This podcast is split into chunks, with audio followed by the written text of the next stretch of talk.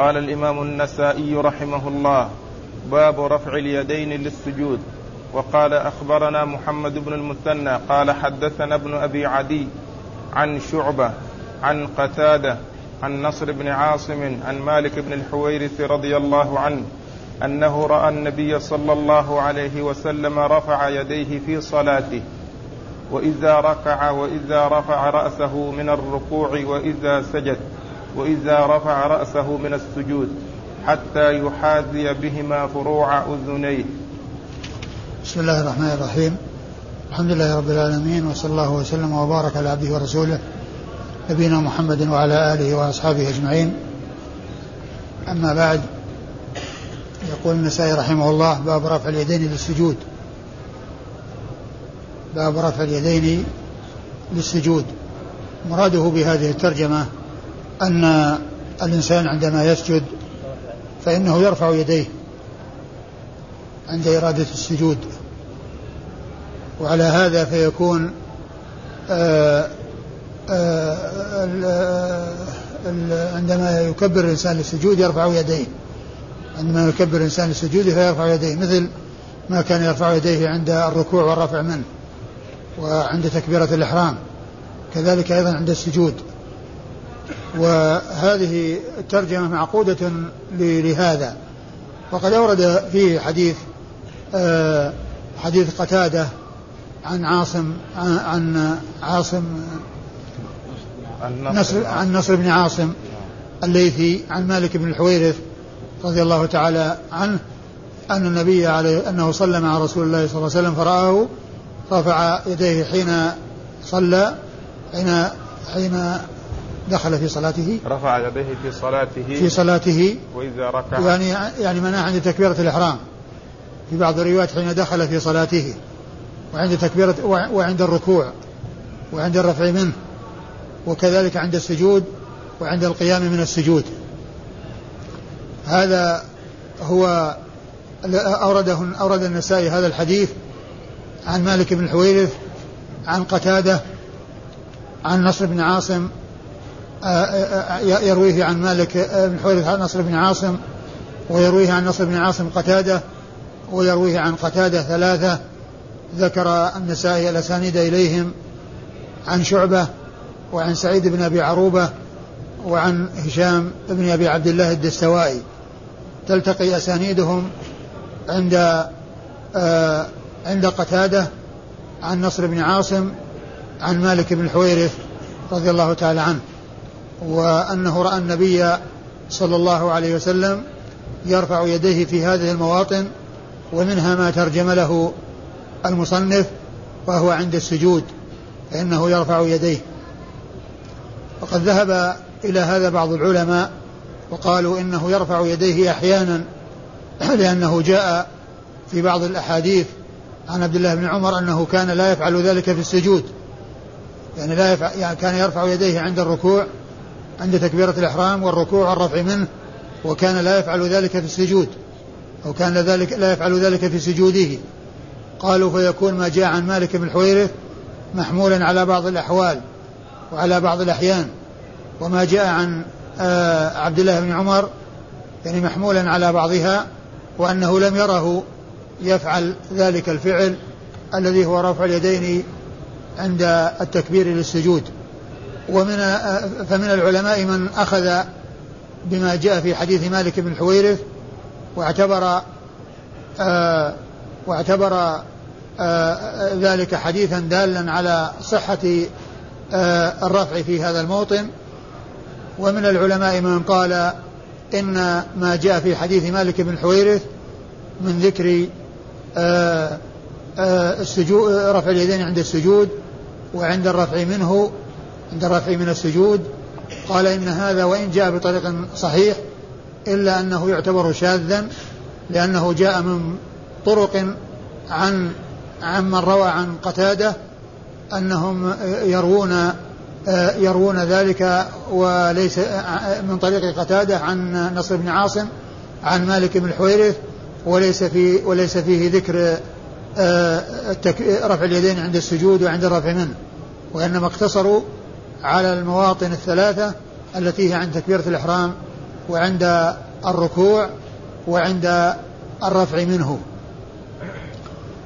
ومن العلماء من آه، زاد على ذلك عند القيام من التشهد الأول. عند القيام من التشهد الأول. فإن هذا ثبت في صحيح البخاري آه، عن عبد الله بن عمر وكذلك جاء من حديث أبي حميد الساعدي رضي الله تعالى عنهما أي عند القيام من التشهد الأول. فتكون المواضع على هذا أربعة. يعني عند الركوع عند تكبير الحرام والركوع والرفع منه والقيام من التشهد الأول.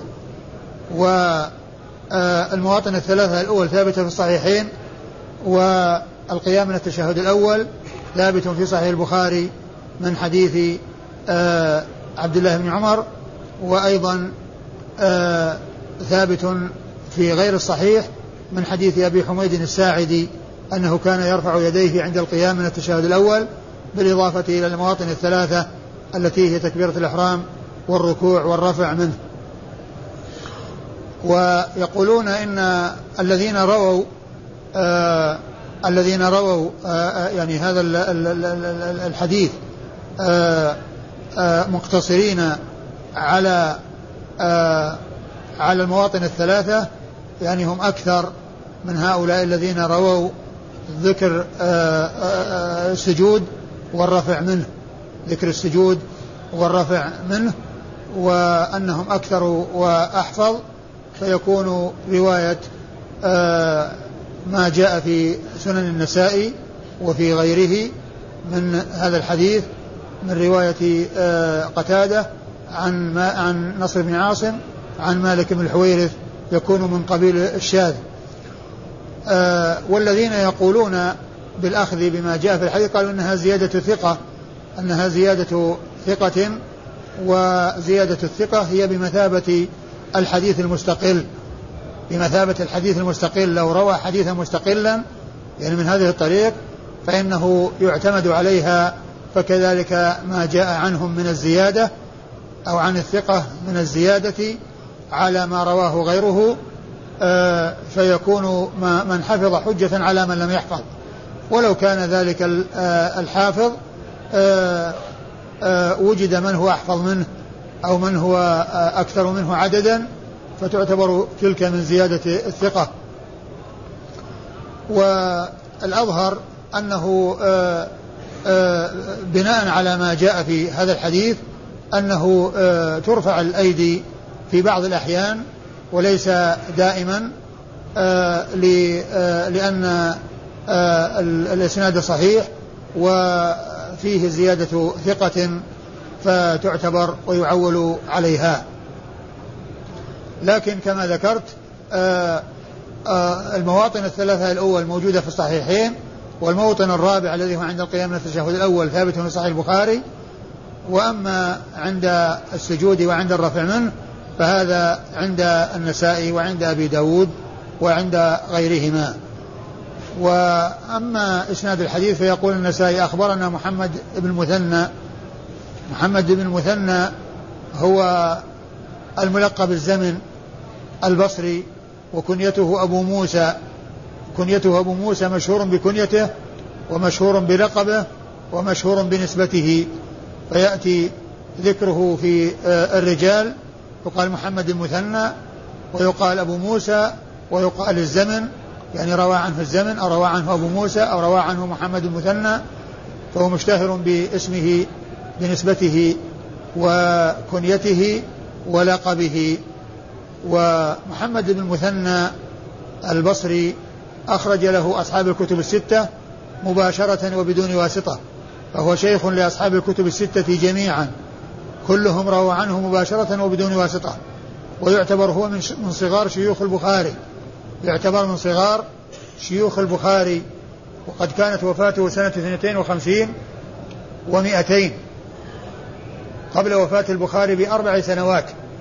ويشاركه في آه، كونه شيخا لأصحاب الكتب الستة. وكونه من صغار شيوخ البخاري آه، محمد بن بشار بن دار ويعقوب بن إبراهيم الدورقي فإن هؤلاء الثلاثة ماتوا قبل البخاري بأربع سنوات وكل منهم شيخ لأصحاب الكتب الستة أصحاب الكتب الستة رووا عنهم عن هؤلاء الثلاثة مباشرة وبدون واسطة. ومحمد آه، ابن مثنى العنزي هذا محمد المثنى العنزي آه، الملقب بن دار والمكنى بأبي موسى آه، ثقة أخرج له أصحاب الكتب الستة. أخرج له أصحاب الكتب الستة. وبل كما قلت رووا, رووا عنه مباشرة وبدون واسطة فهو شيخ لهم جميعا. ملقب بالزمن ولا بن دار؟ لا الزمن نعم الزمن الذي معنا محمد المثنى الزمن الملقب الزمن وكذلك من دار أيضا. و و وبن دار آه، يتفق مع محمد المثنى في أمور كثيرة. كما اتفق معه بسنة بسنة الوفاة اتفق معه بسنة الولادة واتفق معه أيضا بكونهما من أهل البصرة واتفق أيضا في الشيوخ والتلاميذ. ولهذا قال الحافظ بن حجر عنهما إنهما كان كفر سيرهان كفر سيرهان. يعني ما واحد يسبق الثاني من شدة آه، آه، تساويهما وتماثلهما ويروي عن ابن أبي عدي. عن ابن أبي عدي وهو محمد بن إبراهيم. ابن أبي عدي محمد بن إبراهيم ابن أبي عدي وهو ثقة أخرج له أصحاب الكتب الستة. ثقة أخرج له أصحاب الكتب الستة.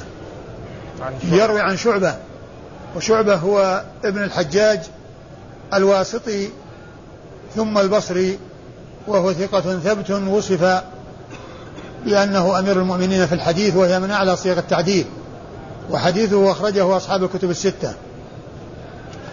عن قتادة وهو بن دعامة السدوسي البصري وهو ثقة أخرج حديثه أصحاب الكتب الستة. عن نصر بن عاصم عن نصر بن عاصم الليثي وهو آه ثقة أخرج له البخاري في رفع اليدين ومسلم وأبو داود والنسائي وابن ماجه. ومسلم وأبو داود والنسائي وابن ماجه. عن مالك. عن مالك بن الحويرث الليثي صاحب رسول الله صلى الله عليه وسلم وحديثه عند أصحاب الكتب الستة. وأنبه على رجل سبق أن مر في درس الدرس الماضي وهو أبو بشر الذي يروي عن يوسف ابن ابن ماهك ويروي عنه شعبة. ذكرت في الدرس الماضي أنه بيان بن بشر لكن بالرجوع إلى تهذيب التهذيب تهذيب الكمال للمزي تبين أن أن أن بيان بن بشر لم يروي عن أن أن أن بيان بن بشر لم يروي عن يوسف بن مالك وإنما روى عنه جعفر بن إياس ابن أبي وحشية. جعفر بن إياس ابن أبي وحشية. فيكون أبو بشر هذا الذي لم ينسب ولم يسمى هو جعفر بن إياس ابن أبي وحشية وهو ثقة أخرج حديثه أصحاب الكتب الستة. يعني مثل ذاك أيضا حديثه عند أصحاب الكتب الستة وهو ثقة لكن المراد بأبي بشر هذا في هذا الإسناد جعفر بن إياس وليس بيان ابن بشر الأحمسي. قال أخبرنا محمد بن المثنى.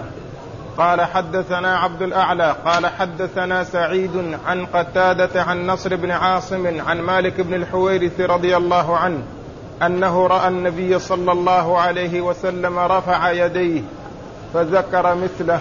ثم ذكر النسائي حديث مالك بن الحويرث من طريق أخرى آه إلى ما إلى إلى إلى قتادة وهي من رواية شيخه أيضا آه محمد المثنى إلا أنها من طريق أخرى. عن محمد, المثنى رواها من طريق آخر غير الطريقة الأولى لأنه هناك يعني آه روى عن آه عن ابن أبي عدي وهنا روى عن عبد الأعلى ابن عبد الأعلى البصري. ف يعني آه شيخ النسائي في الطريقين واحد. إلا أن آه آه شي آه شيوخ شيخه افترقوا فلم يكن فلم يكن روايته عن شيخ واحد وإنما هي عن أكثر من شيخ لأن شيخ محمد المثنى ابن أبي عدي الطريقة الأولى وهنا شيخه عبد الأعلى بن عبد الأعلى البصري. فمحمد المثنى هو آه، شيخه في الطريقين وعبد الأعلى هو هو ابن عبد الأعلى البصري. عبد الأعلى بن عبد الأعلى البصري وهو ثقة أخرج حديثه وأصحاب الكتب الستة. عن آه، سعيد وهو بن أبي عروبة. سعيد بن أبي عروبة ثقة حافظ كثير التدليس وهو من أثبت الناس في قتادة. من أثبت الناس في قتادة وهو هنا يروي عن قتادة. وهو هنا يروي عن قتادة. وسعيد بن أبي عروبة آه ثقة أخرج له أصحاب الكتب الستة. ثقة حافظ كثير التدليس أثبت الناس أو من أثبت الناس في آه، قتادة وحديثه عند أصحاب الكتب الستة. قتادة. ثم قتادة ونصر بن عاصم ومالك هم آه الذين مر ذكرهم في الإسناد السابق. قال فذكر مثله. قال فذكر مثله. يعني ذكر أوله ثم قال فذكر مثله. يعني لم يكرر المتن ولم يأتي بالمتن المتن كاملا وإنما ذكر أوله ثم قال فذكر مثله. يعني أن المتن مثل المتن السابق تماما. فإن قول مثله تعني المماثلة في اللفظ والمعنى. يعني معناه لفظه ومعناه واحد.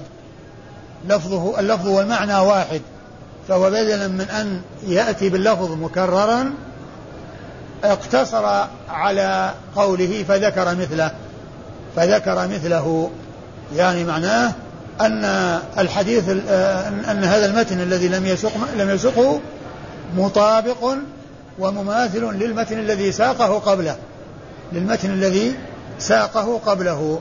إذا المتنان لفظهما واحد. والإسناد. والإسناد مختلف. ولكن الشيخ أيضا واحد. والالتقاء عند قتادة. وقتادة ومن فوقه أيضا متفق. لكن الاختلاف في آه، آه، من دون قتادة. ويتحدان في النهاية عند محمد المثنى الذي هو شيخ النسائي في هذا الحديث من طريقيه. قال أخبرنا محمد بن المثنى قال حدثنا معاذ بن هشام قال حدثني أبي عن قتادة عن نصر بن عاصم عن مالك بن الحويرث رضي الله عنه أن نبي الله صلى الله عليه وسلم كان إذا دخل في الصلاة فذكر نحوه وزاد فيه وإذا ركع فعل مثل ذلك وإذا رفع رأسه من الركوع فعل مثل ذلك. وإذا رفع رأسه من السجود فعل مثل ذلك.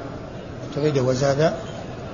مثله وزاد. قال فذكر نحوه وزاد فيه. وإذا ركع فعل مثل ذلك. وإذا رفع رأسه من الركوع فعل مثل ذلك. وإذا رفع رأسه من السجود فعل مثل ذلك. ثم أورد النسائي حديث مالك بن الحويرث من طريق أخرى. وهي أيضا آه، تلتقي عند قتادة. ولما قال آه، ذكر أولا أن النبي الله صلى الله عليه وسلم إذا دخل في الصلاة فذكر نحوه. فهنا عبر إذا دخل في الصلاة وهنا قال إذا إذا رأى النبي رفع يديه في صلاته. رفع يديه في صلاته. وهنا يقول إذا دخل في الصلاة. إذا دخل في الصلاة رفع يديه. قال فذكر نحوه. وكلمة نحوه تختلف عن مثله لأن نحوه تعني أن هناك فرق في الألفاظ وإن كان المعنى متقارب وقريب من منه إلا أن اللفظ يختلف. ففرق فالفرق بين مثله ونحوه أن مثله آه، يكون آه، المتن الذي لم يذكر مماثلا للمتن المذكور. وأما كلمة نحوه إذا جاءت فإن المتن يكون قريبا منه وليس مطابقا له. فهذا هو الفرق بين مثل ونحو. بين مثل ونحو مثل تعني المماثلة ونحو تعني المقاربة والمشابهة. وليست المطابقة والمماثلة وزاد فيه أنه إذا ركع فعل مثل ذلك وإذا رفع رأسه من الركوع فعل مثل ذلك وإذا رفع رأسه من السجود فعل مثل ذلك. فعل مثل ذلك. فهذا فيه إثبات الرفع عند الرفع من السجود. رفع اليدين عند الرفع من السجود والذي تقدم أنه إذا سجد يعني آه إذا سجد فالرواية السابقة فيها ذكر آه، آه، الرفع عند السجود وهذه فيها زيادة وهي الرفع عند الرفع من رفع اليدين عند الرفع من السجود الأولى أيضا فيها الأولى أيضا فيها إذا سجد وإذا رفع رأسه من السجود من السجود أيضا؟ إيه؟ في الاثنين؟ إيه؟ طيب في الطريقة الأولى؟ أي نعم. نعم إذا آه إذا آه هو كما قال ذكر نحوه لكن فيه اختلاف في اللفظ. نعم. لأنه قال وإذا رفع رأسه من السجود فعل مثل ذلك. وإذا ركع فعل مثل ذلك. وإذا رفع من الركوع رفع فعل مثل ذلك. ففيه افتراق في, في الألفاظ وإن كان المعنى يعني آه، يتفق. و والإسناد أخبرنا محمد بن المثنى. أخبرنا محمد المثنى أيضا وهو شيخه في الطريقين السابقين أيضا هو شيخه في هذه الطريقة الثالثة. يعني معناه ها؟ نعم. يعني شيخه في الطريقة الثالثة. يعني كل الطرق الثلاث من طريق شيخه محمد بن مثنى الملقب الزمن المكنى بأبي موسى. وقد مر وقد مر ذكره نعم. حدثنا معاذ بن هشام. حدثنا معاذ بن هشام الدستوائي. معاذ بن هشام الدستوائي وهو صدوق ربما وهم وحديثه أخرجه أصحاب الكتب الستة. يروي عن أبيه هشام وهشام ابن أبي عبد الله.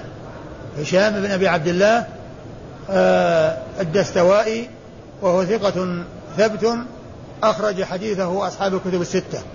هشام بن أبي عبد الله الدستوائي ثقة ثبت أخرج حديثه أصحاب الكتب الستة. وعلى هذا فالطرق النسائي يروي الحديث بطرقه الثلاث عن شيخ محمد المثنى ثم آه، يكون اختلاف الشيوخ ثم تلتقي الطرق عند قتادة ابن دعامة عند قتادة آه، ابن دعامة. وبين النسائي آه، وبين قتادة في كل منهما اثنين. فالطريقة الأولى ابن أبي عدي وشعبة. وفي الطريقة الثانية عبد الأعلى. عبد الأعلى وسعيد بن أبي عروبة. يعني ما يلتقي ب عبد الأعلى وابن أبي عروبة؟ نعم أو في أحد بينهم لا. يعني وعلى هذا يكون الطريق أعلى. يعني لأن فيه شخصين. لأن آه، آه، بين محمد المثنى وبين قتادة شخصين. وفي الطريقة الأولى ثلاثة أشخاص. والطريقة الثالثة الأولى كم شيء؟ الأولى ثلاثة أشخاص. والثانية؟ الثاني شخصين لا عبد الأعلى؟ ثلاثة. محمد بن المثنى وعبد الأعلى. لا لا عبد محمد المثنى موجود في الثلاثة. الأولى طيب ابن أبي عدي والشعبة فقط. إيه هذا هو. يعني ابن أبي عدي وشعبة؟ إيه بس. ابن أبي صح نعم. ابن أبي عدي وشعبة. نعم. والطريقة الثانية؟ عبد الأعلى وسعيد. عبد الأعلى وسعيد. والثالثة؟ معاذ وأبيه. معاذ وأبي. يعني إذا آه، آه، الثلاثة طرق كلها متساوية من حيث العلو بين شيخه شيخ النسائي فيها كلها محمد مثنى وبينه وبين قتادة في كل من الطرق الثلاث شخصان. قال ترك رفع اليدين عند السجود. وقال أخبرنا محمد بن عبيد الكوفي المحاربي قال حدثنا ابن المبارك عن معمر عن الزهري عن سالم عن ابن عمر رضي الله عنهما أنه قال كان رسول الله صلى الله عليه وسلم يرفع يديه إذا افتتح الصلاة وإذا ركع وإذا رفع وكان لا يفعل ذلك في السجود. ثم أورد النسائي هذه الترجمة ترك رفع اليدين في السجود. يعني بعدما أتى بالترجمة الدالة على الرفع أتى بعدها بالترك بالترجمة الدالة على الترك وأن المقصود من ذلك أنه يكون أحيانا يعني معناه أنه يترك ذلك أو جاء الترك فيحمل على ما جاء من الإثبات وعلى ما جاء من الترك على أن الفعل يكون أحيانا والترك يكون أحيانا.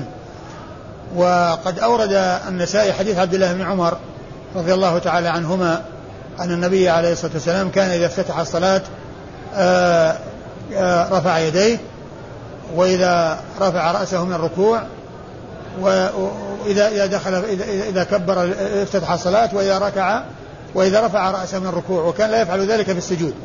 وكان لا يفعل ذلك في السجود. فقوله وكان لا يفعل ذلك في السجود هذا هو الدال على الترك أو هذا هو الدال على الترجمة. أو الذي أتى به للترجمة هو وكان لا يرفع يديه في السجود.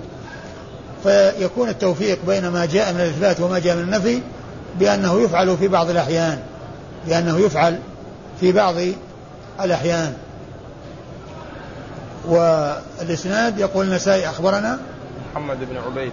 أخبرنا محمد بن عبيد المحاربي الكوفي وهو آه ثقة أخرج له أبو داود والترمذي والنسائي. وهو صدوق. صدوق صدوق صدوق أخرج له أبو داود والترمذي والنسائي. يعني ما خرج له الشيخان ولا ابن ماجه. قال حدثنا ابن المبارك. حدثنا ابن المبارك وهو عبد الله.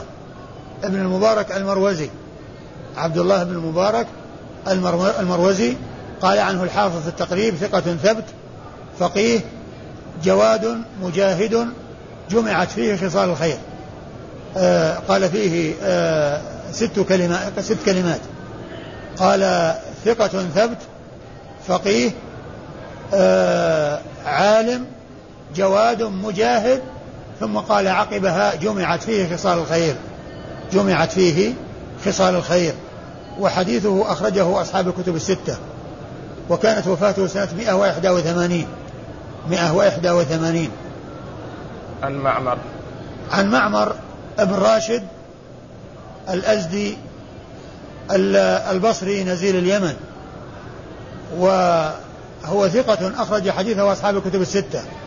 وهو شيخ عبد الرزاق ابن همام الذي يروي عنه كثيرا وروى عنه صحيفة همام بن منبه روى من طريقه صحيفة همام منبه المشتملة على 140 حديثا تقريبا عن أبي هريرة رضي الله تعالى عنه. فهو من أهل البصرة ونزل اليمن وأخذ عنه عبد الرزاق بن همام وأكثر من الرواية عنه ومما أخذه عنه صحيفة همام منبه المشتملة على 140 حديثا تقريبا.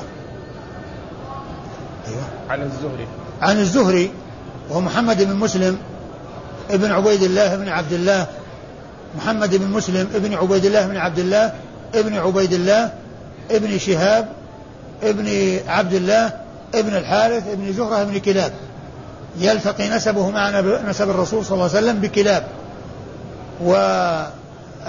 وقصي وزهرة ابن كلاب. فالتقاء نسبه مع نسب الرسول صلى الله عليه وسلم بكلاب أخو قص... آآ آآ لأن زهرة أخو قصي وهما ابن وهما ابن كلاب. فهو الزهري نسبة إلى زهرة ابن كلاب ويقال له ابن شهاب نسبة إلى جد جده الذي هو ابن شهاب الذي هو شهاب لأنه محمد ابن مسلم ابن عبيد الله محمد بن مسلم ابن عبيد الله ابن آه ابن عبد الله ابن عبيد الله بن شهاب محمد بن مسلم ابن عبيد الله ابن عبد الله ابن عبيد الله بن شهاب ابن عبد الله آه ابن الحارث ابن زهرة بن كلاب. فينسب إلى جده شهاب وينسب إلى جده زهرة بن كلاب وهو إمام آه ثقة آه آه فقيه مكثر من رواية حديث رسول الله عليه الصلاة والسلام وهو من صغار التابعين. وقد لقي صغار الصحابة مثل أنس بن مالك وروى عنه رضي الله عنه وروى عنه. وحديثه أخرجه أصحاب الكتب الستة. عن سالم. عن سالم ابن عبد الله ابن عمر بن الخطاب.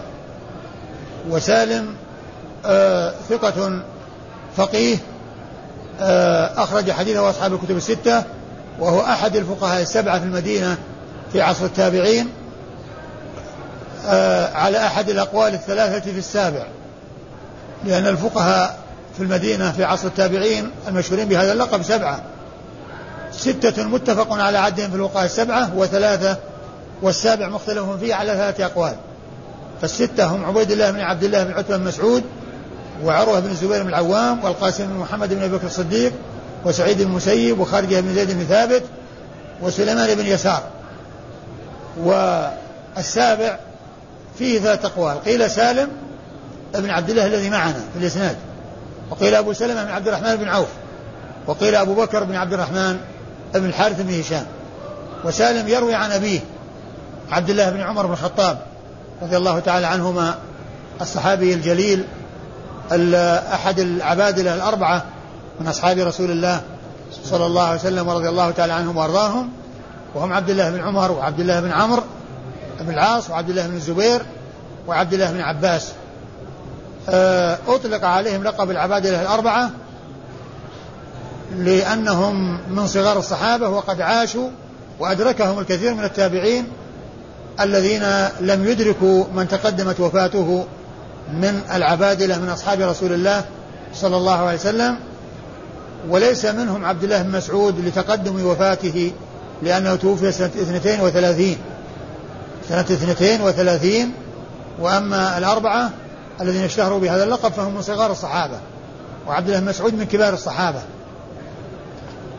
وأيضا عبد الله بن عمر أحد السبعة المعروفين بكثرة الحديث عن رسول الله صلى الله عليه وسلم من أصحابه الكرام رضي الله تعالى عنهم وأرضاهم. والله تعالى أعلم وصلى الله وسلم وبارك على عبده ورسول نبينا محمد وعلى آله وأصحابه أجمعين.